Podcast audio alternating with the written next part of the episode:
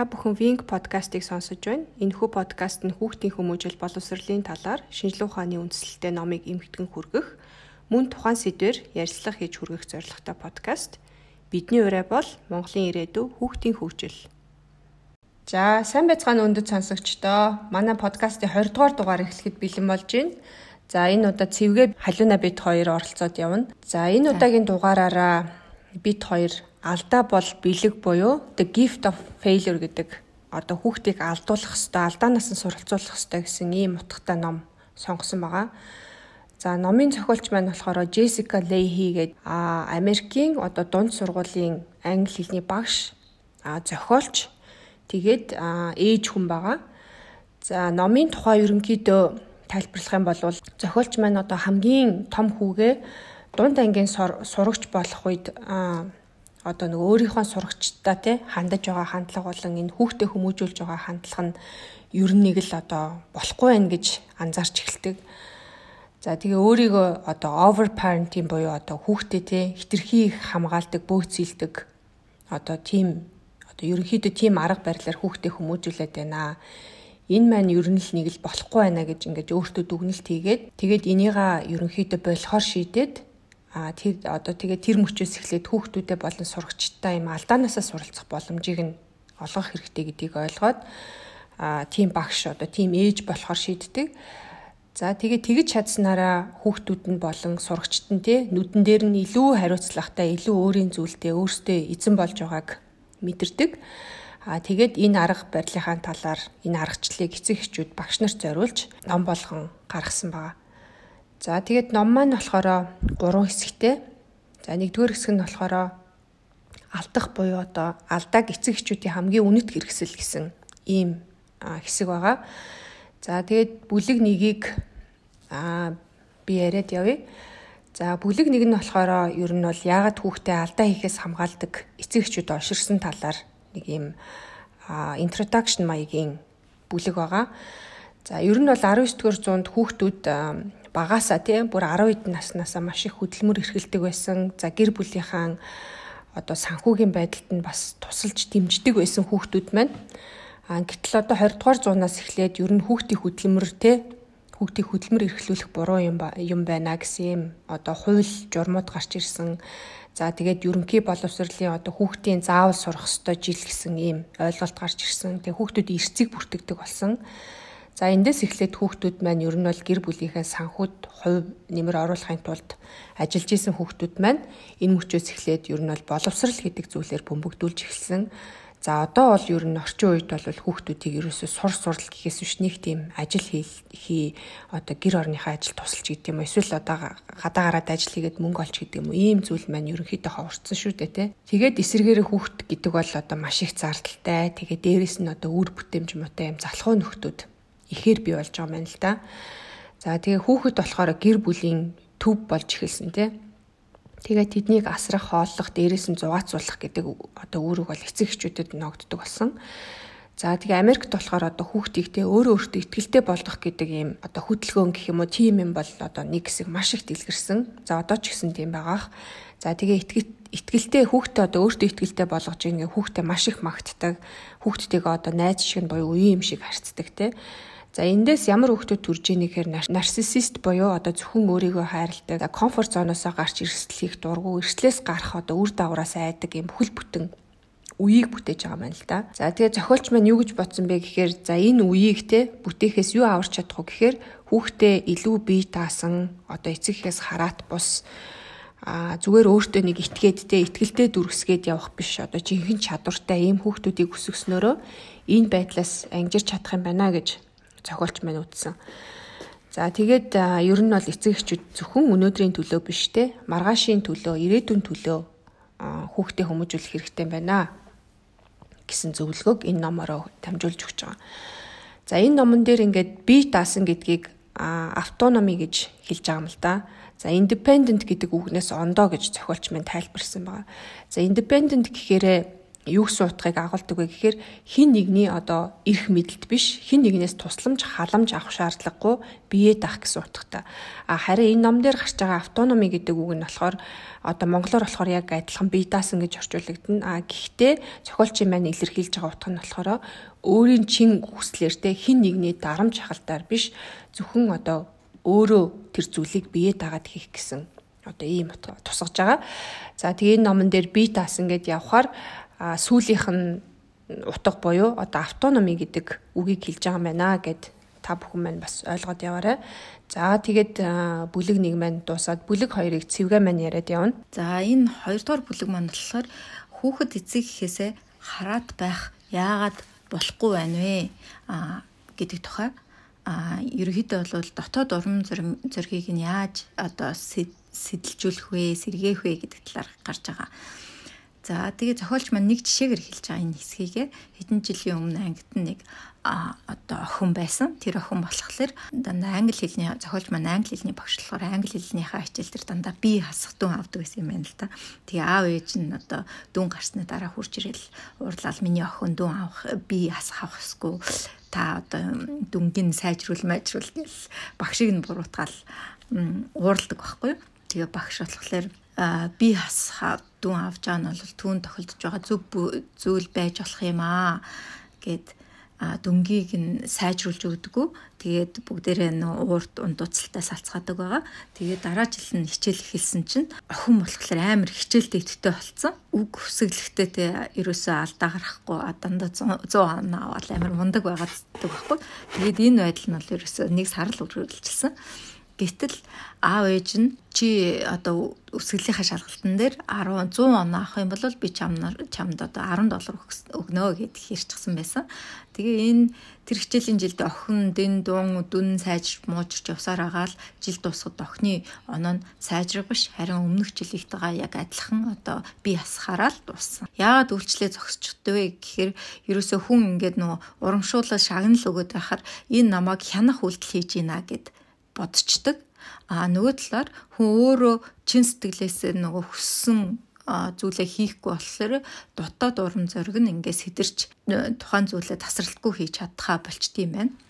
Тийм болохоор хүүхдийг хичээлээ хий гэж нөгөө хүчлэгээсээ илүү урам зоригийг нь сэдрэж өгөх хэрэгтэй байдаг юм байна. За тэгээ эцэг эхчүүд хүүхд хүүхдээ сайн балахын тулд ингээд шагнал өгöd байгаа нь хэр үр дүнтэй байд юм бэ гэд а доктор сэтгэл судлаач скинер гэж хүн туршилт хийсэн байгаа. А энэ нь болохоор харахнууд дээр харахнууд болохоор ингээл ямар нэг зүйлийг ингээ хийхээр нь өгөөшөөгөө дэвэл а баярлал нөгөө үйлдэлээ дахин давтаал хийгээд исэн. А одоо туршилтаараа амьтад бодлол уйтгартай ийм зүйлийг өгөөш нь байгаа л ивэл хийгээл байдаг. А энэ шагнал өгөөд байгаа нь дахин давтагддаг уйтгартай хэцүү биш тэ амархан зүйлийг хийхэд бол үр дүнгээ өгдөг. А харин хүүхдүүдийн хувьд одоо сурахад бүтээлч байдал шинийг сурах шинийг турших чадвар нь хэрэгтэй болохоор энэ чадварыг нь харин дарангуйлчдаг юм байна. Тийм болохоор хүүхдэдээ өөрийнх нь зорилгыг тавиулаад сайн дэмжиж өгвөл хүүхэд маань илүү одоо хүсэл зорилгоороо тухайн зорилгынхаа төлөө тэмүүлж байдаг юм байна. Мэдээж бид нар одоо эцэгчүүд том хүмүүс бүгдээрээ л ойлгож байгаа те тухайн зүйлийг хийж илүү туршлагатай болж иж өөрөө өөртөө итгэх итгэл нь нэмэгддэг гэдгийг те зөвхөн одоо за би чадна гэсэн өөрөө өөртөө итгэх итгэлтэй байвал хүүхэд бол тухайн яг зүйл дээрээ бодит амьдрал дээр хүрээд ирэхээр асуудалд орно штэ тий. Тийм болохоор эцэг эхчүүд бид нэр хүүхдээ чадах чадах зүйл дээр нь жишээлбэл өдрийн хоолой бэлтгэхтэн ч юм уу одоо сакс тоглоод бөмбөгөө залхахтан ч юм уу тэр нөгөө чадах зүйл дээр нь урамшуулаад байвал хүүхэд илүү тухайн зүйл дээрээ өөрөө өөртөө итгэх итгэл нэмэгдээд ирдэг юм байна. Өөрөө өөртөө итгэлийг ол хүүхдтэйгээ бидний харилцаж байгаа харилцаа илүү утга учиртай болгодог. А Станфорд их сургуулийн сэтгэл судлалын багш Mindset номын зохиолч Карл Двек гэд бид нар өмнө нэг номыг уншижсэн да тий хүмүүсийн сэтгэл зүг одоо тогтсон сэтгэл зүйтэй хүн өсөх сэтгэл зүйтэй хүн гэж хоёр ангилсан байгаа. тогтсон сэтгэл зүйтэй хүмүүс болохоор ухаантай байх, авьяастай байх нь бол хүний төрөлхийн мөн чанар байдаг. А харин гэж боддог бол өсөх сэтгэл зүйтэй хүмүүс алдаа гаргачаад түүнийг за ингэж алдаж болно. А энэ үнийг одоо оролдож хөгжүүл сайжруулснаар бид нар энэ чадварыг сайжруулж чадна гэдэг сэтгэл зүйтэй байд юм байна. Харамсалтай хүүхдийг одоо хит их өдөртөө over parenting хийгээд ирэхээр өсөх сэтгэл зүйн дарангуулад нөгөө дотоод урам зоригийг нь мохоох одоо сул талтай байдаг. За тэгээ энэ бүлэг маань ингээд дуусж байгаа алуна. За бүлэг 3 нь болохоор бие даасан болон одоо чадвартай хөхт өсгөх гэж байгаа. За тэгээд зохиолч маань өөрийнхөө түрүү хэлсэнтэй 15 жил ингээд хүүхд хүмүүжүүлсэн арга барилаа ингээд нөхөртөөгөө ярилцаад одоо өөрчлөлгөө шийдсэн байна л да. За тэгээд нэг орой хүүхдүүдтэйгээ сууж байгаа тий. Одоо ийм төлөвлөгөөтэй байна одоо ийм төлөвлөгөөний дагуу одоо бид нэр яана гэд ингээд бүх өөрчлөлтүүдээ хүүхдүүдтэй илэн далангүй хэлдэг. Тэгсэн чи хүүхдүүд нь бүр ингээд нөгөө нүд мүдэн сонирн болоод бүр ингээд ширээнээсээ босч яваал ингээд хүлээж авахгүй а тэр үед нээж аав нь гэхдээ бидний одоо энэ хэрэгжүүлэх гэж байгаа арга барил бол та нарыг илүү бие таасан, илүү өөртөө ихтэй, илүү өөдөө чадвартай хүмүүс болох болно гэж хэлснээр одоо хүүхдүүд нь ээж аваа сонсож эхэлдэг. За тэгээ зохиолчийн маань хамгийн том хүн болохоор угаасаа харьцангуй тийм бие таасан хүүхд байсан юм байна л та. За тэгээд тэрэнд нь ингээд бүх зүйлийг ингээд даатгаад одоо энэ өдрөөс эхлээ чи өөрөө бүх юм арайцсан шүү гэд ингээд хүүхдтэй хэлээд эхлэнгүүт том хүн одоо календар дээр те өөрийнхөө чухал чухал өдрүүдийг тэмдэглээд өдөр тэгт одоо ажлынхаа жагсаалтыг гаргах зэрэгээр бүх юм өөрөө зохицуулж эхэлсэн. За мөн одоо сургуулийн хувьс хичээлийн хэрэгсэл зэрэгээ өөрөө бүр дэлгүүр яваа худалдаж аваал те. Тэгээ 14 хоногийн нөгөө пианерын цусланд явах бэлтгэл энэ тэрэ өөрөө одоо бүр хариуцч хийдэг болсон. За хамгийн бага хүн болохоор ээжээрээ нилээ юма бэлдүүлдэг ээжийн хүү байсан юм байна л да. Тэр хүн хүртэл одоо ингээл өглөө босоол те өөрөө сургуультай бэлдээл өрөөгөө зэгцлээл өөрөө даалгавраа хизээ ийхүү гэдгээ ингээл төлөвлөөл хийж одоо эхэлсэн. За тэгээд нэг удаа ингээд хүүхдэн тий орой жонгоо сууд сууж одоо нөгөө хамаг хүч хөдөлмөрөө шавхаж хийсэн даалгаврын дэвтрийг мартаа явчихдаг. Тэгээд зохиолч маань өглөө босоод тэр дэвтрийг хараад бүр ингээ маш харамсах сэтгэл төрөө тий За ингээ урд нь байсан бол зохиолч маань юу ч бодохгүйгээр ингээд нөгөө машиндаа суугаад хүүхдийн дэвтрийг аваачиж өгнө. А энэ удаа болохоор хүүхдтэй энэ дэвтрээ мартаж аваа тэ анги дээрээ ямар эвгүй байдалд ороод тэ тэр алдаанаас өөрөө суралцах гэж бодсон учраас а дэвтрийг аваачиж өгөхгүй байхаар шийддэг. За тэгээ эндээс зохиолч маань юу гэж хэлж байгаа вэ гэхээр ер нь бид нэр ингээд дэвтрийг авчиж өгснөөрөө эцэг эхийн эго хангахдах буюу эцэг их өөрөө аз жаргалыг мэдэрдэг. А энэ нь бол урт хугацаанд хүүхдэд нь тийм одоо хичээл болохоор зүйл биш юм байна л та. Тэгэхээр ер нь хүүхдээ хүмүүжүүлнэ гэдгийг зөвхөн одоо өнөөдрийнхөө ч юм уу зөвхөн өөрийнхөө энэ аз жаргалыг мэдрэх энэ байдлаа одоо хэрэгжүүлэх биш илүү урт хугацаанд илүү том зургаар хараад юу хүүхдэд мань хэрэгтэй байна гэдгийг бодоод хүүхдээ хэрэгжүүлэх хэрэгтэй гэдгийг зөвлөж байгаа. За тэгээд энэ бүлэг дээр бас сэтгэл зүйч Венди Гролник гэдэг нэг хүний судалгааны талаар өгүүлсэн байсан. А энэ хүн болохоор ямар судалгаа хийсэн бэ гэхээр бие даасан байдлыг дэмждэг эцэг болон одоо хүүхдээ ингээд байнга хяндаг буюу контролдог эцэг эхчүүдийг хүүхдийн ер нь дотоод мотивацид хэрхэн нөлөөлдөг талаар туршилт хийсэн байна л да. За тэгээ өрөөнд эцэг эхчүүдийг ингээ хүүхдтэй хамт оруулаад тоглуулсан. А тэгингээ за энэ эцэг ер нь контролддаг типийнх юм байна. Энэ бие даасан байдлыг дэмждэг юм байна гэдээ ажиглаад эцэг эхчүүдийг одоо өөрөө ангилж байгаа.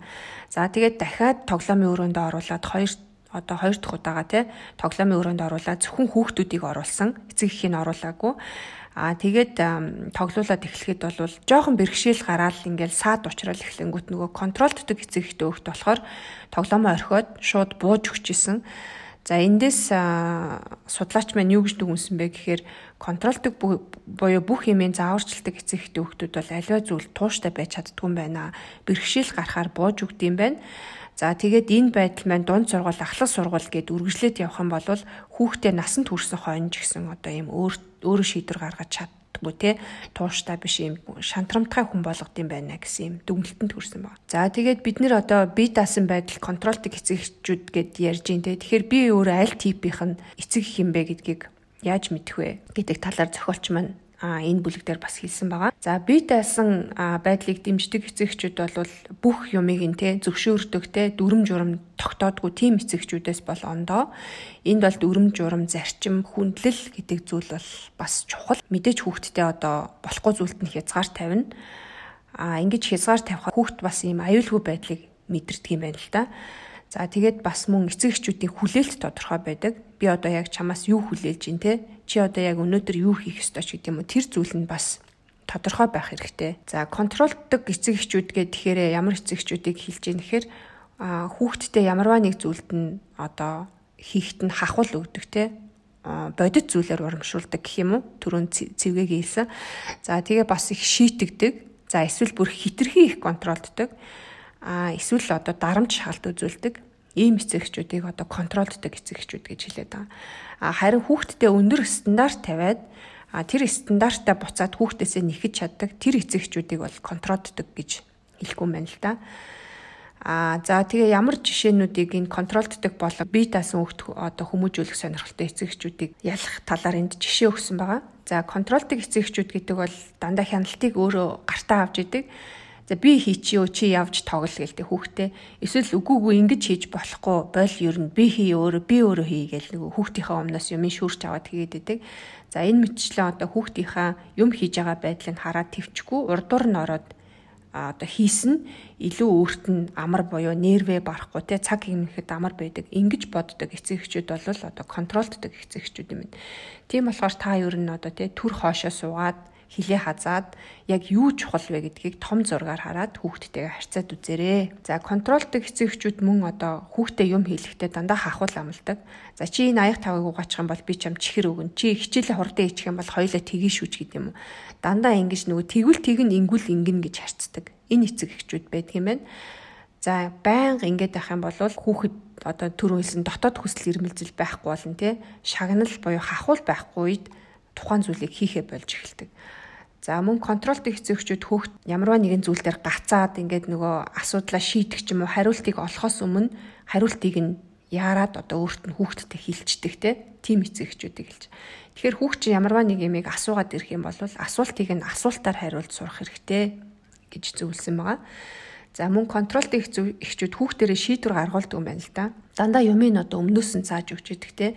За чи тоогоо ихээс өмнө монгол хэлээ хийч гэдэг юм уу. Эсвэл чи гэрийн даалгавраа энд сууж хий Гэл эсвэл чи одоо сакс тогсноос илүү хөл бөмбөг тоглох хэрэгтэй. Гэт ингээд байн хүүхдийнхээ өмнөөс өөрөө шийдвэр гаргацдаг. За тэгээ шийдвэр гаргана гэдэг бол өөрөө их хэцүү процесс байдаг. Хүн энийг насан туршдаа сурдаг. Тимээс ер нь бол бага наснаас нь эхлээд бага багаар хүүхдэд сургаад явах хэрэгтэй гэж зөвлөсөн байгаа. За бие даасан байдлыг дэмждэг эцэгчүүд тэгэхээр хүүхдтэй ингээд шууд хариуг нь хилдэггүй. Тэ хүүхдэд дандаа юм шийдэл рүү зүгээр чиглүүлж өгж идэг одоо асуултаар чиглүүлдэг гэсэн үг те. Тэгээ хүүхэд ер нь өөрөө нухаж байгаад хариугаа олох юм бол тэр зүйл нь мартагдахгүй буюу одоо өөрийн болох магадлал нь илүү байдаг. За тэгээд мөн бас одоо бие даасан байдлыг дэмждэг эцэгчүүд тэгэхээр хүүхдээ алдаа гарахыг зөвшөөрдөг. Аа тэгээд тэр алдааныхаа үр дагавраас суралцахад нь тусалдаг. Жишээ нь одоо хүүхэд минь аяг барьж явж байгаа хагалчлаа гэхэд те хүүхдээ загнахгүй. За хоёлаа энийг яаж цэвэрлэдгийг би чам зааж өгье харин чи дараагийн удаа хагалахгүй тулд энэ аягийг ингэж барьж явах хэрэгтэй байх шүү те гэд ингээд дандаа а ингэж нөгөө алдаан дээр нь шийдлийн зааж өгдөг ийм эцэг эхчүүд байдаг. За мөн бие даасан байдлыг дэмдэг дэмждэг эцэг эхчүүд болохоор алдааг амжилттай адилхан үнэлт юм байна л да. Жишээ нь одоо ингээ хүүхэд чинь те даалгавар ээж чадахгүй ингээд оролдоо суугаад тахад хурж ирээд те энэ даалгавар үнэхээр хэцүү байхад чи ингээд одоо хүртэл ингээд бодоод сууж ийн ингээд зурлж ийн гэдэг чинь айгүй мундаг байна. Би чамаар үнэхээр бахархаж гин гэж одоо хүүхдтэй хилдэг. Аа тэгээд энэ нь болохоор заавал амжилттай үед нь магтах биш те. Хүүхдээ ингээд мес ап болоод ч юм алдаа хийж яхад нь бас ингээд магтах юм бол одоо хүүхдийнхээ алдааг бас амжилтаа найдлахын юм үнэлж байгаагаа харуулж байгаа гэсэн үг юм. За тэгээд бие даасан байдлыг дэмждэг эцэгчүүд хүүхдийнхээ одоо а өөрөө өөртөө одоо нөгөө ундууцаал тий өөртөө гутрах мэдрэмжийг нь бас илүү ойлгох юм байна л да. За ингээд 3 дугаар бүлэг маань дуусж байгаа. Дараагийн бүлэг маань болохоор магтаалын тухайд нэлээд ярьж байгаа. За өмнөх бүлэгт тогтсон сэтгэл зүйтэй өсөх сэтгэл зүйтэй хүмүүсийн ялгааг ярьсан. Сэтгэл зүг ангилсан судлаач маань дахиад нэг судалгаа явуулсан байгаа. Эхлээд хүүхдүүдийг одоо бодлого бодулсан. Бодлогынхоо бодсны дараа хүүхдүүдтэй хоёр өөр төрлийн одоо магтаалын үг хэрэгэлсэн байгаа. Эхнийхт нь чи өста мундаг юм аа гэд те магтцдаг. Нөгөө талд нөгөө хэсэгт нь болохоор өө чи энэ нэг хийхин тулд маш их хичээлээ шүү гэх хоёр өөр төрлөөр магтсан байгаа. За тэгээд дахиад нэг бодлого бодулсан. Тэгсэн чинь нөгөө чи мундаг юм а гэж хэлүүлсэн магтуулсан хүүхдүүд болохоор амжилттай бодлогоо бодож чадаагүй а чи хичээлээ шүү гэж хэлүүлсэн хүүхдүүд нь болохоор мундага батлах гэж биш зүгээр нөгөө бодлогыг бодох гэж илүү өөрийгөө янз бүрээр дайчилж тэгж хандсан байгаа. Бүр цаашлаад нөгөө бүр анхныхаа бодлогоос илүү амархан бодлого дахиад нөгөө хүүхдүүдэд бодулсан. Тэгсэн чинь нөгөө бодлогыг чинь чи мундаг юм а гэж магтуулсан хүүхдүүд нөгөө нэг амархан бодлогыг чинь бодож чадахгүй. Аа нөгөө нэг чи өстой сайн хичээлээ шүү гэж магтуулсан хүүхдүүд нь бол бодоод дуусгацсан байгаа. Аа бас нэг сонирхолтой үр дүн гарсан нь чи мундаг юм а гэж гэж магтуулсан хүүхдүүд нь дүнгээ харамжуу нь одоо худлаа хийсэн байгаа. Тэгэхээр хүүхдийгээ чи ухаантай шүү, чи авьяастай шүү гэд нэг төрмөл юм шиг ингэж магтах нь болохоор тэднийг бүр худлаа ярихад хүргэдэг юм байна гэж дүүх хэлсэн байгаа. Өөрийнх нь оролдлогыг нь магтаарай гэсэн байгаа тий. Тестээ сайн хийсэн байх шүү чи ухаантай байна шүү гэхийнхээ оронд хүүхдээ чи энэ дал энэ тестийг хийхийн тулд тэр бодлогыг бодсон чи их сайн байлаа шүү. Зураг зурсан байлаа гэхэд зурагч нь гоё болжээ гэхийнхээ оронд те зурагныхаа чи сүүдрийг нь юм уу энэ өнгийг чи гоё тавьжээ энэ өнцгийг нь гоё зуржээ гэдэг юм уу те тухайн зүтгэлийг нь хичээнгүй байдлыг нь илүүтэйгээр магтаж өгвөл хүүхэд тэ алдаанаасаа бага ичиж алдаагаараа дамжуулан тухайн зүйлээ үргэлжлүүлэн хийж түнэс түнэс сэтгэл ханамж авах магадлал нь өндөр болдгийм байна. За тэгээ эцэг эхчүүд бид ч гэсэн одоо өөрөө өөртөө өсөх сэтгэл зүг суулгах хэрэгтэй байдаг. За өөрөө бид нар ингээл гэртээ ямар нэгэн хоолой ихтэй ч юм уу те алдаа гаргачаад түүнийгээ хүүхдтэйгээ илэн далангүй ярилцаад тэрийг сайжруулах талаар ажиллаж байгаа хичээл зүтгэлээ хүүхдтэйгээ хуваалцах хэрэгтэй. Аа бүр ялангуяа бид нар одоо хийж чаддггүй зүйлээ өөрөө хайж агаад сурж эхлүүл хүүхдтэй бид нар ингээд сурж болдгийм байх шүү гэдгийгээ үлгэрлэн дуурайж харуулах юм байна. За мэдээж алдаа гаргасан гэд бидний хүүхдэд хайрлах хайр өөрчлөгдөхгүй гэдгийг одоо би тэд ойлгуулж хэлэх хэрэгтэй. Таны хайр хүүхдтэйгээ хүүхдийнхээ тэн гаргаж байгаа алдаанаас мэдэрч байгаа өвдөлт хичүүрийг зөөлж өгдөг те хүүхд чинь алдаа гарч гаргачаад гунаа сууж хахад одоо биэнд нь хүрдэг юм уу зөөлөн хэлэх юм бол хүүхэд дараа дараагийн алдаа гарахтаа айхаасаа илүүтэйгээр аюулгүй байдаг гэдэгтэйгээ одоо эвлэрч ямар нэгэн эрсдлийг гаргахтаа бэлэн болдго юм байна. За гих мэтчлэн энэ бүлэгт маш олон жишээ өгсөн байгаа. За ингээ бүлэг 5 нь болохоор гэрийн ажлаар дамжуулж бие даасан хүүхдийг яаж өсгөж хүмүүжүүлэх вэ гэсэн бүлэг байгаа. За бид нэр томчууд хүүхдээ гэрийн ажил хийх үлдгөө шалтгаануудыг дурдсан байгаа юм л да. За энэ дээр болохоор бидний бас өдөр тутам надад бодогддог зүйлүүд бас дандаа байна лээ. За би өөрөө их юм бол илүү хурдан хий чин тэгэхээр ашиг би өөрөө хийчий гэд эцэг эхчүүд тэгдэг те. Эсвэл хүүхдүүдээ за за тэд нэр дандаа буруу хийдэм чинь би өөрөө хийчий гэж боддог. За мөн хүүхэдтэй хүүхдэрээ байх хэрэгтэй. Том болоод тэртээ тэргүй их юм чи ашиг тоглож их гэж бид нар боддог. За эсвэл те за манай гэр муухай харагтана хүмүүс юу гэж бодох юм гялс хийчээ гэ эцэг ихнэр өөрсдөө идэг. Эсвэл за манай хүүхд муухай харагтана те муухай халтар хувцастай явж хат хүмүүс юу гэж бодох юм гэд өмнөөс нь хувцсыг аваад угаачдаг. За энэ мэдчлэн ингээ хүүхдийнхээ өмнөөс гэрийн ажил шүүрч аваад хийдэг юм шалтгаанууд байгаа. За тэгээд зохиолч маань гой зөвлөгөө өгсөн нь болохоор гэрийн ажил гэж хийх одоо хэлхийн оронд те гэртээ оруулж байгаа хувь нэмэр гэж нэрлэе гэсэн байгаа. Одоо гэрийн ажлаа хий гэд хүүхдээ ингээ өглөө тахаар хүүхдэд дургүй байдаг штэ. Тэгэхээр за одоо гэртээ хувь нэмрээ оруулаа гэд хэлэх юм бол хүүхэд одоо илүү хүлээж авах магадaltaй. За тэгээд хүүхдээ яаж гэрийн ажил хийлгэж сурах вэ гэхээр та хилээ хаазаад холд гэсэн ба. Хүүхдээсээ одоо юу хүлээж байгаагаа тодорхой л те. За одоо өнөөдөр чи энэ аягыг угаа шүү. Ингээл ингээл хэлчих. За тэг хүүхэд ерөөсөө өгүүлж болохгүй а хурдан угаахгүй бол одоо энэ хатчгаараа дараа нь угаахад маш их ус үүрдэг ч гэдэм юм эсвэл илүү их цаг ордог ч гэдэм юм тэрийг нь чи бол тайлбарлаж хэлнэ а харин хүүхэд хизээ угаах одоо угаахгүйгаа тий хүүхэд өөрөө шийдвүлэх зүгээр ингээд угаахгүй удаад байх юм бол өвлөхгүйгээр урдуур нь орж бас угаах хэрэггүй зүгээр л орхичих тэнд 2 өдөр болсон ч хамаагүй ингээ орхичих 2 өдрийн дараа хүүхд чи угаах угаахгүй бас ажиглаад үзээрэй гэсэн байна За тэгээ хүүхдтэй хахуул өгөхөө боль те төрөн зөндөө хэлсэн. Тэгэхээр энэ дээр нуршаад вэ? Ер нь бол хүүхдэд хахуул өгөх тийм юм байна. Аа за тэгээд аль болох багаас нь эхлэх тусмаа сайн. Хоёр наснаас эхлээд хүүхдүүд нөө гэрээ ажил туслах гал юм юмд оролцоол эхэлдэг те. Тэр үед нь болохоор бид нэр дандаа за за заваар бол чинь яшиг гээд дандаа явж тоглол гээд ингээд холдуулцдаг. Тийм болохоор яг оролдож байгаа үед нь та дэмжиж гэрээ ажлаа бас зааж өгөөд туслуулаад хэлгээрээ. За тэгээ энэ дээр нас насаар нь англиад одоо 2-оос 5 нас, 5-аас 6 нас, 6-аас 11 нас, 12-оос дээшээ юу хийж чадах юм бэ гэдгийг ангилсан байгаа. Урд нь бид нар бас энэ талаар зөндөө ярьж исэн болохоор энэ дээр бас давхарцсан санаанууд маш их байсан болохоор алгасъя. Аа зүгээр юу сонирхолтой санагдсан бэ гэхээр 12-оос дээш насны хүүхд болохоор баг бүх юмыг хийх чадвартай. За энэ дээр гэрэл шатчлаа гэхэд лампас байлна те.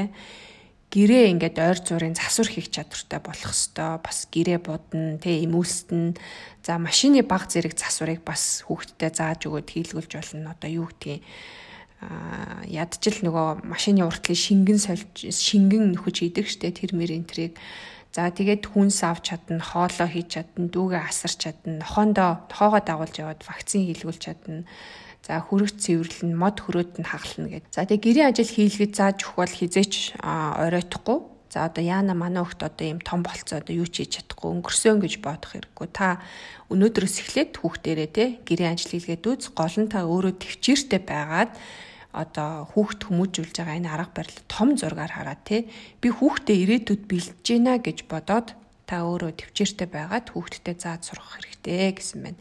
За тэгээ товчхондоо 5 дугаар бүлэг маань юм байгаа. За дараагийн бүлэг маадуудын нийгмийн харилцааны тухай гарч байгаа.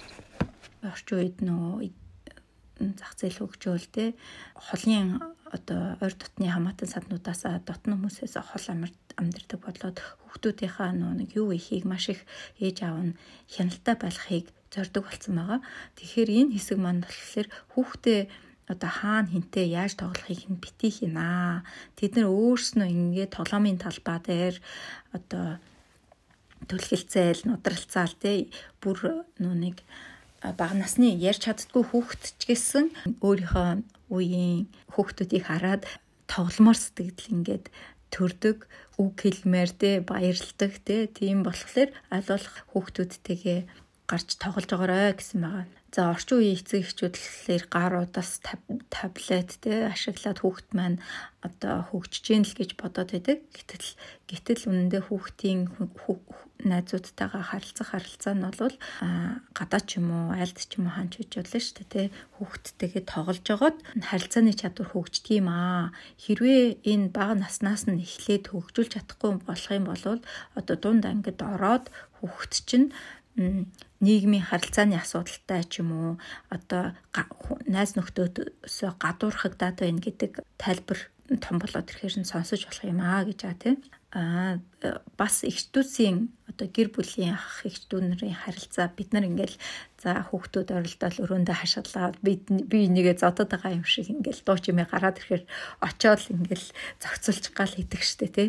Гэтэл нэг 6 6 хүүхэдтэй ээж болохоор тэгж тайлбарлсан ба За тэдний асуудлыг шийдэх гээд э, ингээд ерөөсөө орхоо бол оролцоо болсон. Тэдэнтэй байх мэдээж үнэхээр гайхалтай хөвгчлөлтэй байдаг.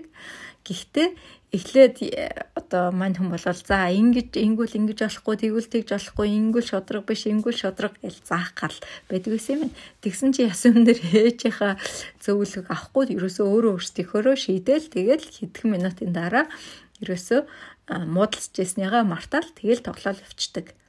За энэ ахан дүүсийн харилцаа бол бидний хамгийн анхны одоо найз нөхөр би нэгэ үзэн ядах хайрлах те энэ хамгийн анхны харилцаа байдаг.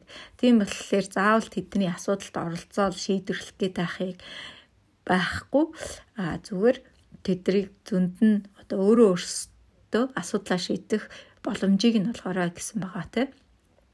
За бага ангийн хүүхдүүд болохоор сонирхол сонирхлоор нэгдэж нээлт юм байна. Дунд ангийн хүүхдүүд болохоор сонирхол гэхээсээ илүү өөрийгөө хүлэн зөвшөөрүүлэхэд илүү анхаарал хандуулж эхэлдэг. Аа тэгээд жижиг жижиг жижиг бүлэгт ингээд хуваагдаад орчихсон. Тэгээд хэрвээ одоо аль нэг бүлэгт оролцож чадахгүй бол хүүхэд илүү их стресстэй ирдэг. Тийм болохоор бүлгүүдийн холбоо харилцааг нь одоо задлж өгөх урлагийн юм уу, спортын юм уу, дугуйланд э, хүүхдээ хичээллүүлээрэ гэж байгаа. Тэгээ хүүхдээ бас хинтээ найзлахын заагаад байж болохгүй. Харин гэртээ хүүхэд чинь найзуудаа дагуулж ирэх боломжийг нь олгоод найзуудтай нь харин танилцаад хүүхэд чинь ямар нэгэн харилцаанд орж чадахгүй ганцаардаад байх юм бол ганцаардах боломжийг нь олгоорой. Тэгээд энэ одоо боломжоосоо хөөхд өөрөө өөрийгөө ойлгож дараа дараачийн найзтайгаа яаж харилцах тухайгаа суралцдаг юм аа гэж энэ бүлэгт ярьсан байгаа. За бүлэг 7 маань спорт гэсэн бүлэг байгаа. За Америкчууд болохоор одоо спортод маш их ач холбогдол өгдөг тий. Спорт нь баг одоо манай Монголын академик юу шиг амар өрсөлдөөнтэй байдаг. За тэмцээн болоод эхлэхээр эцэг эхчүүд хүүхдээ ингээл байнга дагж аваад хажуухаас нь ойрлол одоо коучус нь илүү зааж сурах гэдэг юм байна л та. За тэгээд удахгүй Монголд бас спорт ингэж хөгжих байх гэдэг үүднээсээ а зохиолч одоо хэлсэн зөвлөгөөнүүдийг хүргэхэд спорт дээр хөгжөөнд дэмжихтэй те дандаа зүгээр л эмээ өвөшг нь бай гэж зөвлөж байгаа. Эмээ өвнөр болохоор одоо хүүхдээ нэг их шүмжлээд байдаг юм байна л да. За тэр хүүхд хоцсон байна уу, хожигдсан байна уу ерөөс чухал биш.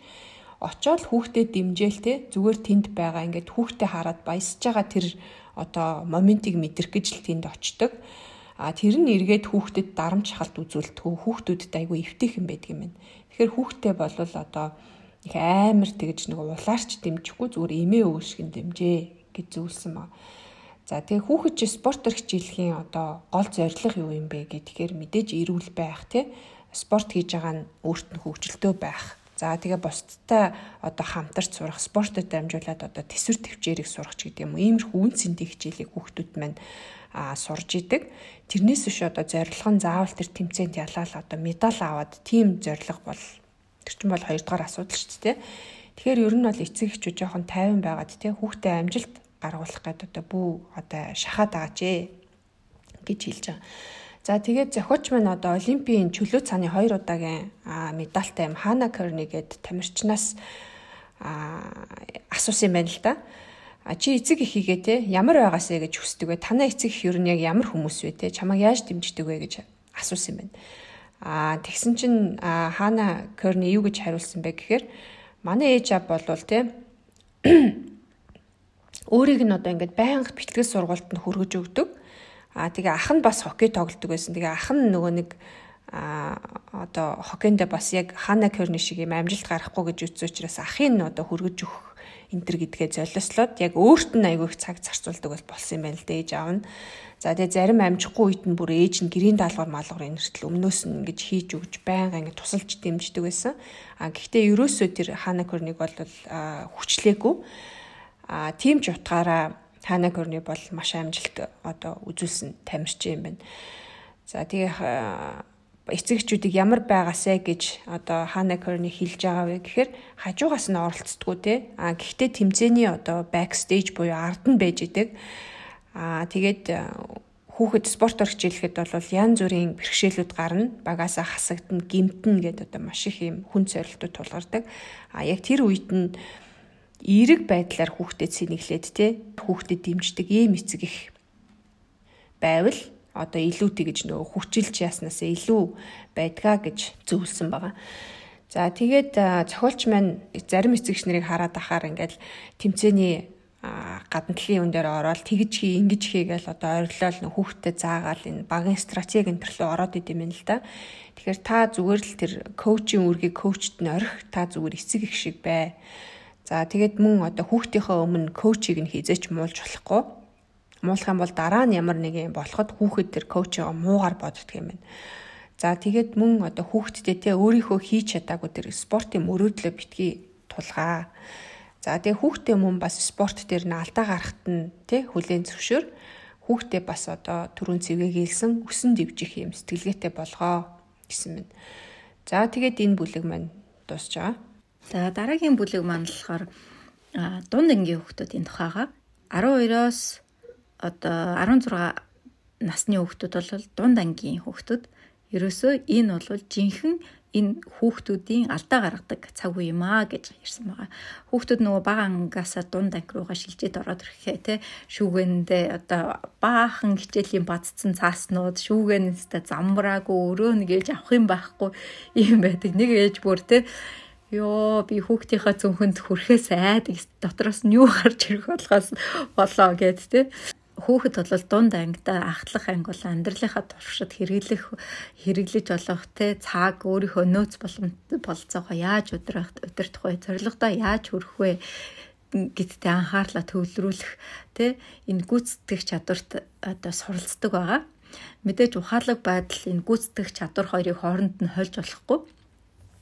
Гүйцэтгэх чадварууд нь одоо те бяцхан тархиндаа дөнгөж одоо хөгжиж эхэлж байгаа гэдгийг эцэг эхчүүд бид нар ойлгоод энэ чадварыг хөгжүүлэхэд нь бид нар тусалж өгөх хэрэгтэй гэдэг юм байна чадвар бол яг хүүхэд яг э, явц сурдаг шиг те. Зарим айгу хурдан ингээд яваа сурчдаг бол зарим нь ингээ удаан явц сурдаг шүү те.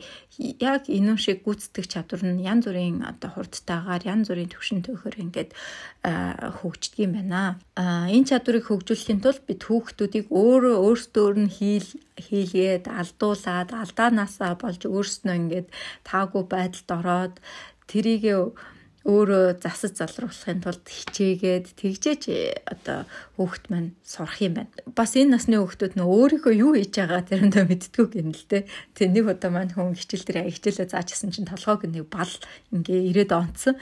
Тэг нөгөө ч өөр гайхаад хичээлийн дараа нөгөө хүүхдэд асуусан чи чи яа над руу ингээ бал шийдсэн бэ гэсэн чи Оо би бал одоо шидэх хүртлээ яг шидэх гэж байгаагаа мдээгүй маа нэг мэдсэн чинь шидчихсэн байсан гэдэг За тэгээ энэ мэтчлээ өөрөө өөрийгөө юу хийж байгаагаа ойлгохгүй байх тохиолдол байд юм байна. Тэгээ хөөхтийн анхаарал сарнаа тогтургүй болоод ирэхээр бид нар те мань хүн бол хөөхт тухайн хөөхт дээр очиод ингээ хөрдөг ч юм уу те нэг анхааруулад ингээ нүдрүү нь хавдаг ч юм уу тийм үү ингээд үйлдэл хийхээр нөгөө хүүхэд маань аа за хичээл хийх ёстой штэ гэх хичээл рүү анхаард юм байна л да.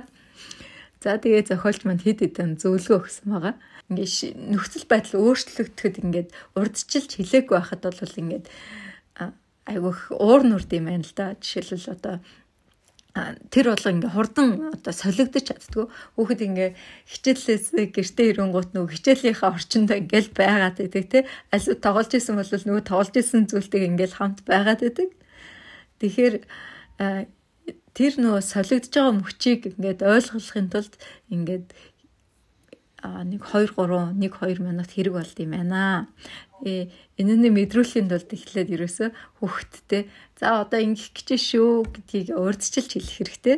Бас түрүүн халуунагийн хэлсэн шиг нөгөө календар гаргаад одоо онцгой үйл явдлуудыг ингээд тэмдэглэжүүл хүүхэд бас за юу болох ч юм байна гэдгийг одоо сэтгэл санааны бэлтгэлтэй байх нь шүү дээ. Аа За тэгээ хөөхд өөрийнхөө хуваарийг өөрөө хийгээд ирвэл илүү би даасан тэ түрүүний автономи гэж хэлээдсэн тийм тийм мэдрэмж төрд юм байна. Бас нөгөө богино хугацааны санах хөгжөөд хөгжөөгүй байдаг. За тэгээ өмнө хийжсэн зүйлдээ автчаад тэгээд дараагийнхаа одоо эчин тийм юм хийгэрээ гэд хэлсэн бол хийхэ марчт юм байна. Тийм болохоор хүүхдэд даалгавар өгөхдөө анхаарал нь төвлөртөл тэрүүн рүү хараад төвлөрсөн гэс үед нь нөгөө даалгавраа хийлээд а бүрүүн бүр нарийн одоо килограмм яг тийм юмыг аваараа дэлгүүрээс аваараа гэдэг ч юм уу тийм үед одоо дахин давтаж хилж яах нь сайн байд юм байна. Үүнээс гадна одоо хүүхд чинь үнэхээр ингээд таны хэлсэн зүйлийг ерөөсөө хийхгүй марчаад ах юм бол хүүхдийнхаа сонсголыг бас нэг шалгуулчаарай. А жоохон сонсголын асуудалтай хүүхдүүд бас нөгөө богино хугацааны санах хойно муу байгаа юм шиг юм мэдрэмж тийм үйлдэл гаргаад идэм байна. Тэгээ нөгөө талаар бас төвчээртэй байх хэрэгтэй. Бид нар ч нөгөө бяцхан одоо урд нь ямар нэгэн туршлагагүй тийм бяцхан тархийг хөгжүүлж байгаа гэдгийг эцэгчүүд бид ойлгож явах хэрэгтэй тийм ээ. Амар хөгжилтэй сэдв байсан. Одоо энэ бүлэг. За бүлэг 9 нь болохоор аа middle school-ээс гараад ахлах сургууль болон түүнээс цааш буюу одоо жинхэнэ бие даасан хүн болох гараа гэсэн ийм бүлэг байгаа. За тэгээд эцэг эхчүүд хүүхдээ унаад те өөрөө босхойг нь зөвшөөрөхгүй байх юм бол хүүхэд одоо том болсон асуудал үүслэ гэхэд тэрийгэ шийдэж чаддгүй. За сэтгэлээр ундаг, хүмүүстэй харилцах харилцаагаа бас удирдах чаддгүй. За ямарваа нэг юмны өмнө хариуцлага хүлээж чаддгүй. За ямар нэг бэрхшээл гарсан үед шантардаг тий. Тэгээд тэрнээсээ үүдсэн юм төгш одоо сэтгэлийн төгшүүр гэж ярьдаг. Тэрийг удирч чадахгүй одоо ийм том хүн болоод өсч хүмүүжчтэй юм байна. За тэгээд алдаа гаргаж алдаанаасаа суралцах боломжийг олохгүй те туршлага туршилтын үндсэн дээр энэ хөгжих ёстой чадваруудыг нь одоо нас насанд нь хөгжүүлээд явахгүй бол цаашдаа одоо гэр бүл карьер те нийгэмтэй харилцах харилцаан дээр юм асуудалтай том хүмүүсийг бид нар бэлтэж гин гэсэн үг юм байна л та. Тэгэхээр за энэ дээр болохоор ингээд нөгөө анги ангиар нь хуваасан байгаа. Энэ өөрөө нөгөө нэг багш хүн учраас илүү бас академик тал руу нь бичсэн байгаа юм л та. За 9 дугаар анги ямар байдаг вэ гэхээр ахлах сургуулийн одоо хамгийн анхны жил болохоор хүүхдүүд маш их төгшүүртэй айцтай байдаг те. За энэ үед болохоор хүүхдүүдтэй яаж харьцах юм бэ гэхээр академик хичээл заагаад одоо тэрлүүгээ илүү их төвлөрөхөөсөө илүү чи багштайгаа яаж харьцах ёстой юм те одоо энэ харьцааны тал дээр илүү хүүхдүүдтэйгээ заад хүүхдүүдтэй заад сурах хэрэгтэй байна. Жишээ нь чи ойлгохгүй юм а багшаасаа ичид зовлгүйгээр асууд сурах хэрэгтэй. Чамд үнэхээр тусламж хэрэгтэй үед хүнээс одоо тусламж гуйд сурах хэрэгтэй ч гэдэм үү. Одоо энэ ийм soft skill-үүдийг 9 дугаар ангийн хүүхдүүдэд одоо илүү их зааж энэ дээр нь илүү төвлөрч ажиллах хэрэгтэй байд юм байна. Аа тэгээ багш нар ч гэсэн нөгөө талдаа энэ насны хүүхдүүд бол алдаа хийдэг те сэтгэл одоо тэгсэн тийм алдааг нь хүлээн зөвшөөрсөн сэтгэл зүйн бэлтгэлтэй байх хэрэгтэй юм байна. А мөн одоо алдсан үед нь одоо алдаан дээр нь дөрөөлөөд харин хүүхдийг цааш нь одоо тусалж дэмжиж дараагийн удаа алдахгүй байх талаар нь заад сургах ийм сайн багш буюу эцэг их байх хэрэгтэй юм байна. За 10 дугаар анги болохоор хүүхдүүд ямар байдаг вэ гэхээр энэ дээр дотоод хүсэл хүсэл ирмэлцлийн одоо хамгийн анхны алхам бол бие даасан хараат бус байдал байт юм байна л та. Тэгэхээр ер нь бол одоо нөгөө өөрөө юмаа хийгээл өөрөө ингээд нөгөө юмаа хийгээд байдаг. Энэ айлын хөлтөд болохоор яахаараа ингээ юмаа өөрөө хийгээд манай хөлтөд болохоор дандаа хилүүлт ингээд эцэгнэр аюу тэгж боддог штэ тий. Тэгэхээр тэр бол ер нь бол бие даасан хүүхдүүд л тэгж чаддаг юм байна л та. Тэгэхээр энэ 10 дугаар ангийнхны одоо хамгийн чухал keyword бол ерөөсө choice буюу өөрсдийнх нь сонголт гэсэн одоо энэ зүйлийг бид нэр маш сайн ойлгож хүүхдтэйгээ харьцах хэрэгтэй. Хүүхэд одоо ямар хичээл сонгомоор байгаа нэ ямар хэл сурмаар байгаа, ямар хөгжмийн зэмсэг сурмаар байгаа, ямар спортоор хичээл байгаа юм. Ерөөс тэдний сонголт. Жишээ нь одоо ингээд хүүхэд пианогоор амар 10 10 жил идэвхтэй хичээлжсэн кивгинт одоо би укулеле дарна, гитар дарж сурна ч гэдэм юм. Ингээд пианогоо болол өөр хөгжим сонирхол эхлэхээр эцэг ихнэр амар нөгөө гонсоодаг. Яна ингээ 10 жил ясан юу нэ ингээ талаар өнгөрлөө гэд маш их харамсдаг. А гэтэл одоо нэг нэгэнт л одоо тэр хүүхд хөгжмийн дүртэй болцсон юм чинь нэг жил өөр хөгжмийн зэмсэг сонирхлоо гэд одоо пианогоо дарахаа мартчихна гэсэн үг те. Тэгэхээр энэ дээр бол хүүхдээ ингээд бүр хүчлээд заавал өөрхөн одоо зөвхөн пианогоо дарга гэд ингэж харьцны хэрэггүй хүүхэд хамгийн гол нь өөрийнхөө сонирхож байгаа юм дээр амжилт гаргадаг учраас хүүхдийнхаа одоо энэ сонголтыг нь хүндэлж харьцах хэрэгтэй болох нэ. За 11-р ангид хүүхдтэйгээ яаж харьцах вэ гэхээр энэ дээр бол комфорт зоноосоо гарахт нь тусал гинэ. Энэ бол айгүй надаа гой санагдсан. Хүүхэд одоо хизээчтэй хүүхдийн одоо тэр характерт нь таарахгүй ч юм уу хизээч юм хийж үзэхэргүй юм ин хүүхдээрээ ингээд нөгөө хийхт нь жоохон пүшлээд өг гэсэн байгаа. Жишээ нь одоо internship те дадлага ажил эсвэл сонин сэтгүүлд юм хэвлүүлэх ч юм уу. Эсвэл одоо жүжигийн гол дүр тоглох ч юм уу. Хүүхд чи өөрөө ингээд дотооддоо хүсээд байдаг. А гэтэл би чадахгүй гэдэг нэг хүүхд нэг жоохон айцтай байдаг те. Тэгэнгүүт нь энийг илүү одоо нөгөө нэг хүүхдэд зоригжуулаад пүүшлээд энэ эрсдэл үүрэгт нь а жоохон хүчилж өгөх хэрэгтэй юм. Тэгээд хүүхэд одоо 100 удаа аплай хийгээд те 99-т нь татгалцсан хариу авч болно шүү дээ. Тэр тэр одоо мэдрэмжийн эртнээс бас хүүхдтэй ойлгуулах хэрэгтэй байна л да. юм гэдэг чи одоо юу гэдэг тийм амархан байдгүй те а гэхдээ чи ингээд тэнцсэн болвол энэ нэг хувийн боломж гэдэг чинь чиний амьдралын хамгийн том одоо боломж байж болно одоо ирээдүйд бас ийм тохиолдно гэдгийг одоо энэ насны хүүхдүүдэд ойлгуулах хэрэгтэй юм.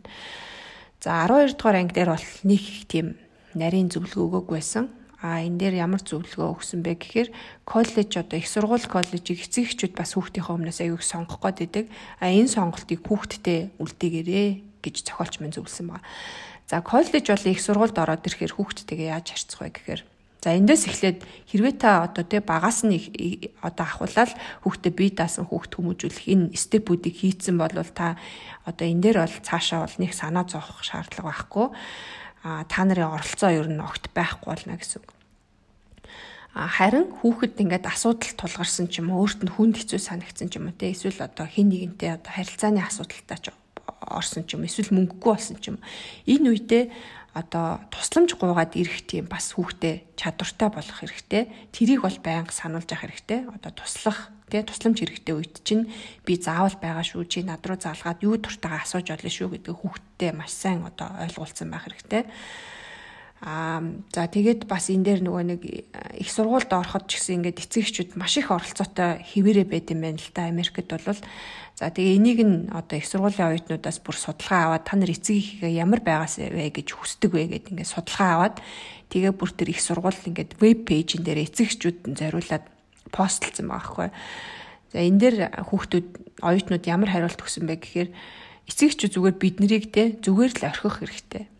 А хоёрт нь болохоор бид нар өөрсдөө алдаа гаргаж те чаддаг байх хэрэгтэй. Тэрийг нь эцэг хүлээн зөвшөөрдөг байх хэрэгтэй.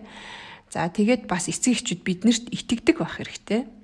За тэгээд бидний зүгээртэй юу хийж байгаа тэрийг бол эцэг эхчүүд сонирхож болно, сонирхох эрхтэй. Харин энэнд оролцдоггүй байх хэрэгтэй байна гэж ингэж оюутнууд бүр ийм хариулт өгсөн байна. За тэгээ коллежийн хүүхдтэйгээ яаж харьцах вэ гэхээр их одоо ингээд эхний нэгдүгээр курст орлоо те тэгэнгүүт нь ингээд за чи нэгдүгээр курсыгаа яг юу гэж харж байна те чи энэ курст яг юу хиймээр байна гэсэн юм зорилгыг нь хүүхдэрээ гаргуулад а тэрийг нь бүр ингээд наривчлуулаад цаасан дээр буулгуулад а гэхдээ та өөрийгөө мэдээж нөгөө нэг санаагаа бол те хүүхдтэд тулгаж зааварчилж болохгүй зүгээр юм ярилцах дэмжих те юм зохион байгуулах байдлаар оролцож болно. За тэгээ сургууль дээрээ гэхэд чинь жишээ нь янз бүрийн хүмүүс байгаа тий багш байгаа, ментор байгаа, тьютер байгаа, захиргааны ажилтан байгаа. За энэ хүмүүс нь яг аль нь аль асуудлыг шийддэг ч гэдэг юм уу тэрийг бас ингээд хүүхдэд зөвлөөд а тийм асуудал тулгарх юм бол тэр хүнтэйгээ тэгж очиж уулзах хэрэгтэй гэдэг ингээ хүүхдэд бас тайлбарлаж ойлгуулах хэрэгтэй. За тэгээд одоо тэр нөгөө жилийн зорилго гаргацсан тий тэрийг ерөөхдөө одоо одоо интрак байна уу гэдгээ шалга гэж байгаа юм л та. 7 хоног бүр одоо уикендэр ч юм уу те 7 хоногийн төгсгөлд хүүхдтэйгээ ярилцаад тэгээ энэ нөгөө таны хүлээлтийн дагуу ч юм уу хүүхдээ чинь гаргасан зорилгын дагуу явж гин үү а явахгүй бол чи яг юун дээр нь буруу игээд дан гэдэг хүүхдтэйгээ бас ярилцчих хэрэгтэй 7 хоног болгон одоо хүүхдээ кач ап хийх хэрэгтэй юм.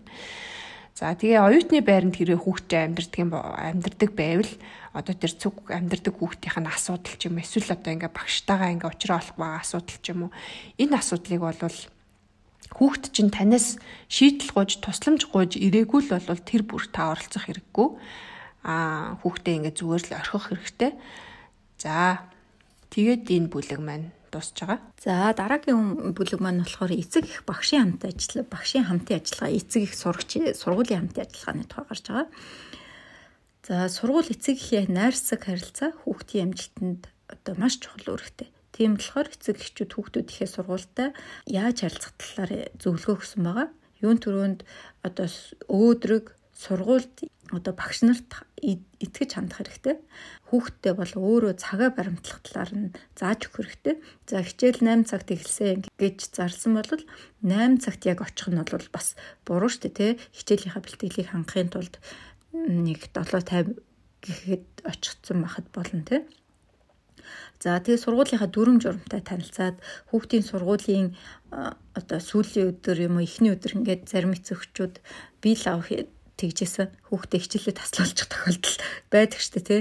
Тэр үнийг бас хийж болохгүй. Яагаад гэвэл багш нь тэр хүүхэд ч тэр одоо өөр өөрснөө юмаа төлөвлөсөн байдаг. Тэр ажлуудыг нь нураадаг болохоор хүүхдийн багшийн ундууслыг нь төрүүлдэг юм байна. За тэгээ сургуулийнхаа хүндтгэж харилцаж хүүхдээ хүүхэддээ суралцах сайн үлгэр дуурайр үзүүлээрэ гэсэн байгаа. За энэ мэтлэн зөвлөгөөнүүдийг өгсөн байгаа. Мэдээж халуунагийн ярьсан шиг коуч ингээд пэйзэж муулж болохгүй гэсэн шиг багшийг нь бас сургуулийг нь бас хүүхдтэй муулж болохгүй шүү гэдгийг анхааруулсан байгаа. За тэгээд 11-р бүлэг маань гэрийн даалгавар буюу та хит оролцохгүйгээр хэрхэн туслах вэ гэсэн бүлэг байгаа. За энэ бүлэг болохоор одоо яг 2 дугаар ангийн хүүхдтэй надад болохоор маш их сонирхолтой бүлэг байсан. Тэгээ жоохон дэлгэрэнгүй ярьчий гэж бодож байна. За гэрийн даалгавар болохоор хүүхдийн ажил таны ажил биш гэдгийг та маш сайн ойлгох хэрэгтэй. За таны ажлын таны ажил буюу таны үүрэг юу юм бэ гэхээр хүүхдэд туслах, зоригжуулах харин жоохон тэ бага ангид байгаа үед нь бол чиглүүлэх том болоод ирэхээр нь таны хүлээлт юу юм бэ гэдгээ маш тодорхой болгоод хүүхдтэй орон зайг нь өгөөд та өөрөө холдох гэсэн. За хүүг ингээл хэцүү бодлого ч юм уу хэцүү эсэ ч юм уу хэцүү даалгавар таалтахаар ингээл хүүхдийнхээ өмнөөс баг ханцуугаа шамлж ороод тэг хүүхдийнхээ өмнөөс хийж өгöd ах юм бол хүүхэд өөртөө итгэх буюу одоо бие даах чадварыг нь та тэр болгоо өвөө хийж байгаа гэсэн үг Тэ? Тэгэхээр түрүү ингээд байнга хилээд байгаа шиг таны урт хугацааны зорилго яг юу юм бэ те? Та өнөөдөр энэ даалгаврыг хүүхдэрээ зөв хийх, буруу хийх нь одоо чухал юм уу? Эсвэл одоо урт хугацаанд энэ хүүхд өөрөө өөрөө юмаа менеж хийгээд явдаг би юм би одоо би буюу юм том хүн бэлтгэх гээд байгаа гэдэг чинь чухал юм уу? Тэрийг та маш сайн бодох хэрэгтэй. За мөн ингээл даалгавраа буруу хийгээд ч юм уу эсвэл тэмдрээ орхиод ч юм уу ингэж очиод багшийн болон ангийнхаа хүүхдүүд юм эвгүй байдалд ороод те энэ эвгүй байдалтайгаа яаж нүүр тулд сурах юм? Тэ дараа нь энэ одоо тэмдрээ ч юм уу? Одоо мартахгүй аваад явах. Энийг хүүхдэд заах нь чухал болохоос биш. Энэ эвгүй байдал болгоноос хүүхдээ сугалж аваад энэ эвгүй байдал болгонтой уулзруулахгүй гэдэг одоо хүүхдээ хамгаалаад авах бол таны үүрэг биш юм аа тий За тэгээд хүүхэд бас ингэ хичээлээ ойлгохгүй эсвэл ингээд жоох удаан юм ойлгоцтой хүүхдүүд байдаг те. Энэ дээр болвол эцэг эхчүүд бас ийм зүйлүүдийг нэг эмчтэй ч юм уу өөрөө эцэг эхчүүд бас чек хийгээд үзчих хэрэгтэй гэж зөвлөсөн байна. За түрүүн цэвгээгийн хэлсэн шиг хараа болон сонсголыг нь бас та нэг шалгуулад үзээрэй те. Иннээс болоод бас хичээл хоцрох тохиолдол хүүхдэд байдаг. А хоёрдугаарт нь болохоор хангалттай нойр авч ийн үгүй гэдгийг бодох хэрэгтэй энэ нойрны тал дээр бас гуглээс сайгаад үзээрэй те. Тэдээс тэдэн настай хүүхэд тэдээс тэдэн цаг унтах ёстой гэд цагууд байдаг. За гэрийн даалгавар бас хит хөнгөн байвал хүүхэд хийх дургу буюу хүүхдэд уйтгартай байдаг. Тэгэхээр энийг бас сайн шалгаатай багштаан зөвлөд үзээрэй. За хүүхдэдээ даалгавар хийх зөв дадлыг суулгах зөвлөгөөнүүдийг хэлсэн байна. Энэ дээр болохоор хит өсвөлийн юм уу цангаж байгаа үед хүний тарих мэдээж ажилтгүй. Тэгэхээр хичээл хийхээс өмнө эрүүл одоо снэк гэдэг те усууга цангаагаа тайлцсан ийм гой болцсон үед хичээлээ хэрэгтэй. За мөн бас юм чимээгүй саад болохгүй юм гэрийн даалгавар хийх орчин хүүхдэд бүрдүүлж өгөх хэрэгтэй. А 3 секунд садаа болоход хүний алдаа гарах магадлал 2 дахин ихсдэг гэдэг юм судалгаа байт юм байна. Тэгэхээр бол юм садаагүй орчинд хүүхдийнхаа гэрийн даалгаврыг хийлгүүлэх хэрэгтэй.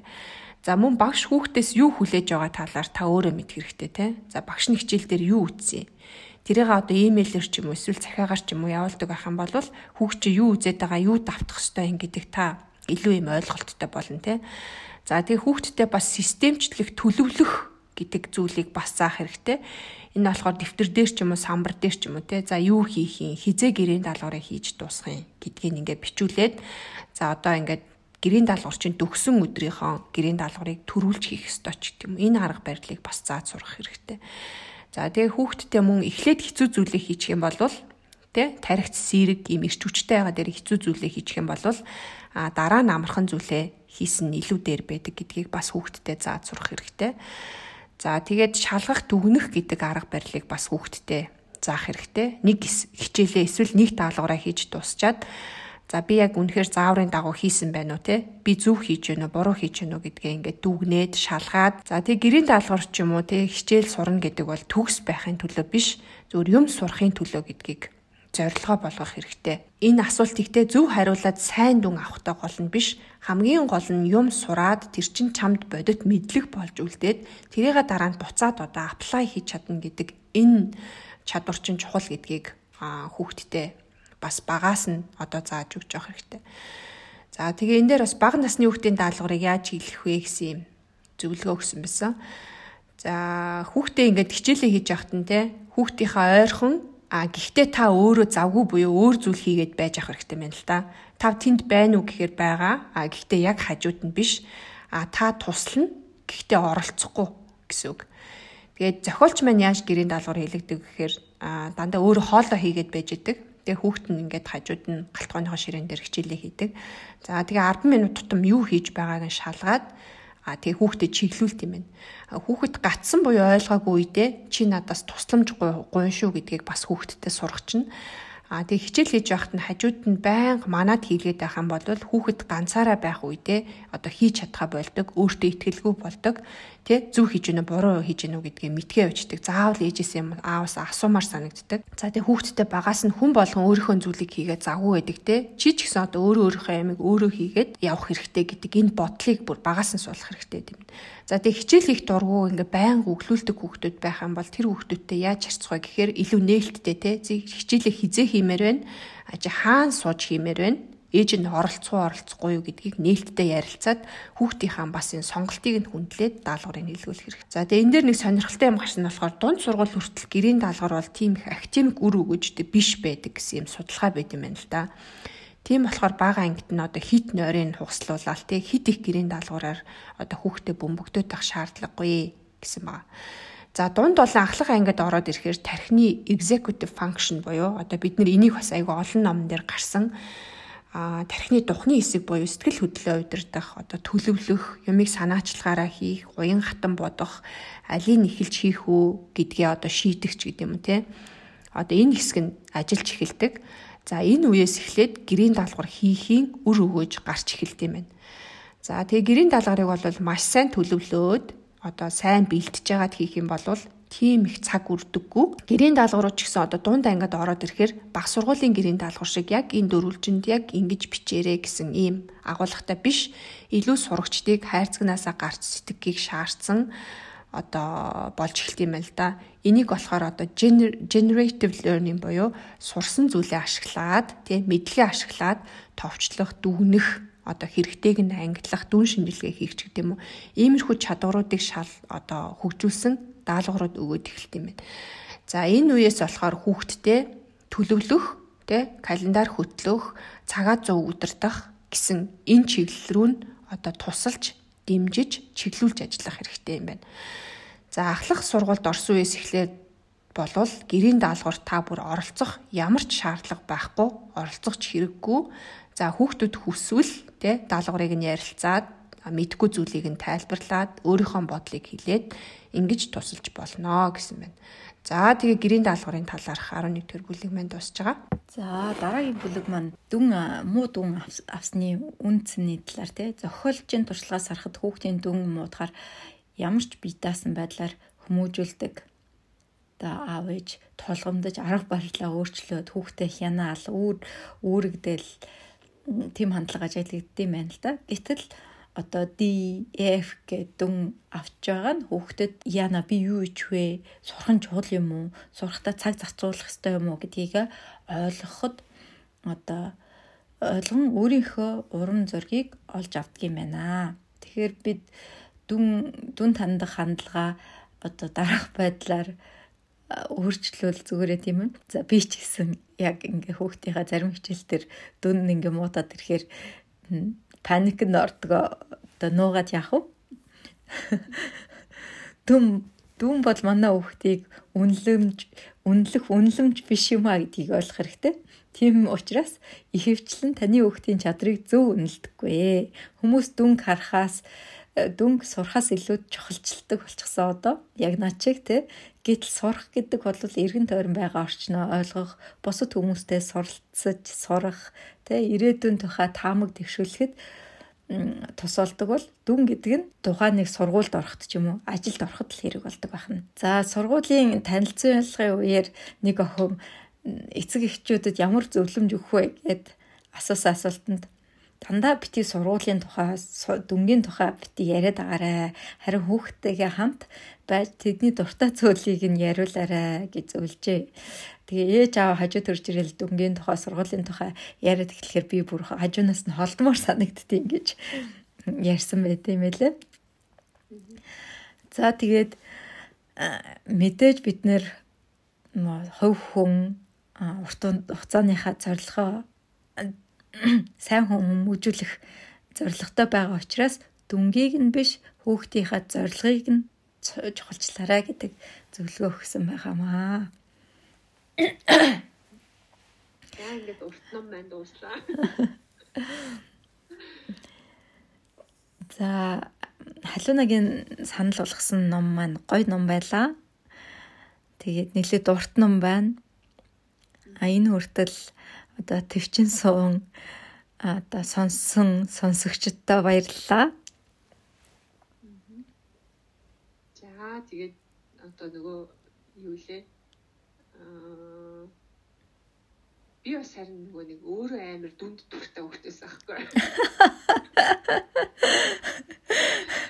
амар онц сурах дуртай хөлтөөс аахгүй. Тэгсэн чинь харин манай Аз болж том хөлт маань яг миний эсрэг хөлт. Амар одоо ингээл нөгөө чи төрүүлэх хэрэгтэй. Одоо онцтой авах хэрэгтэй гэж амар шахдаг.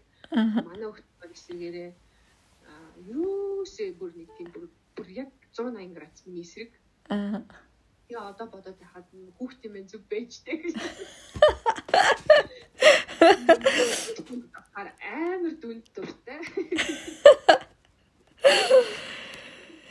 Яа би нөгөө нэг одоо ингээл багш нар нөгөө явуулдаг штэ тий 100-аас 100 авчлаа тэдэс тэд авчлаа гээл тэгэл нөгөө дөнгөж сая нэг бахан нөгөө семестрийн шалгалт өгөөл манай нөгөө дунд хүчин Тэгээд тэдээс тэд алдчихлаа. 100-аас 98 дээр авч явах гэсэн. Яага 2 оноо алдчихваа гэдэгтэй бүр амар сүртэй. Би бас охноос асуусан аахгүй. Ямар үед айдаг вэ? Одоо чамд ээжтэйг ингээ ярьж чаддгүй юм байдаг уу гэж би асуусан чи панахаа. Ээж би муун дүн авчаад хэлхээс айдаг гэж байгаа. Яана тэгэхээр чи бас дүнг чухалчилдаг байна шүү дээ. Тийм. Тэгэхээр ер нь энэ ном бас их гоё тийм ялангуяа энэ гэрийн даалгавар гэдэг хэсэг бол маш гоё хэсэг байлаа. За тэгээд бас нэг хэрэгтэй ном байсан баха гэж найдаж байна. За тэгээд дараагийн дугаар хүртэл баяртай. Баяртай.